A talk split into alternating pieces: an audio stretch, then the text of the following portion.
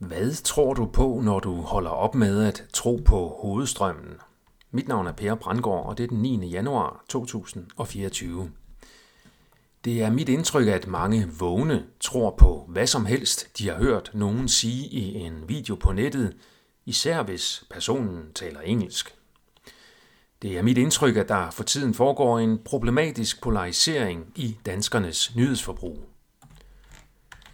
Flere og flere indser, at hovedstrømspressen lyver, hvilket naturligt fører til dyb mistillid til alt, hvad der kommer derfra. Situationen er ligesom da folk holdt op med at tro på Gud. Det førte som bekendt til, at folk så begyndte at tro på hvad som helst. Nu hvor mange er holdt op med at tro på hovedstrømspressen, så tror de på hvad som helst, som nogen uden for hovedstrømspressen siger.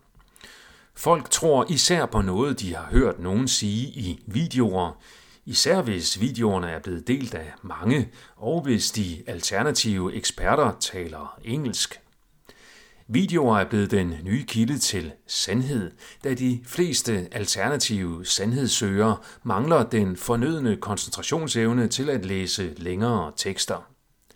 Der er også en udbredt tro på, at folk, der taler engelsk, på en eller anden måde er tættere på en dyb ekspertise eller global sandhed end folk, der taler dansk.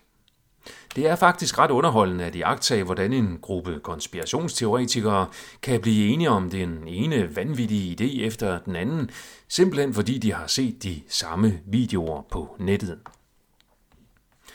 Det går dog ikke bedre i den anden yderlighed, som er dem, der trofast stoler på hovedstrømspressen – de er blevet endnu mere faste i deres tro på, at det kun er fra de store medier, især de store danske regeringsbetalte medier, at sandheden bliver serveret.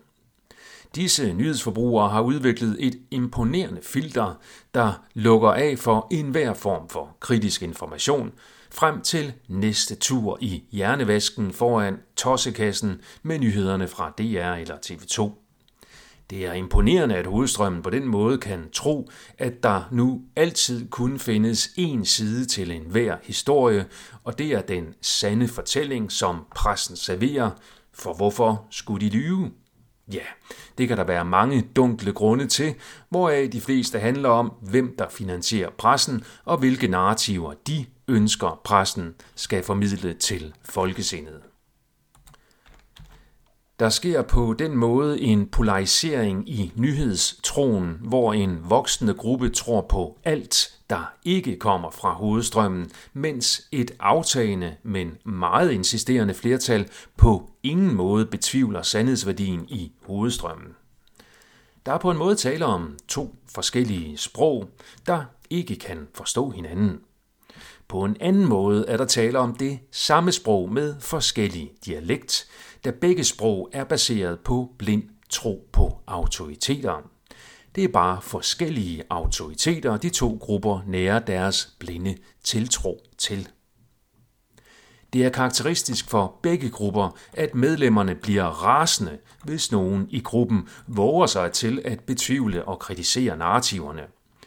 Derfor retter alle ind af frygt for emotionelle overfald og medfølgende udstødelse til den tredje gruppe, som man ikke tror eksisterer, selvom den faktisk altid har eksisteret.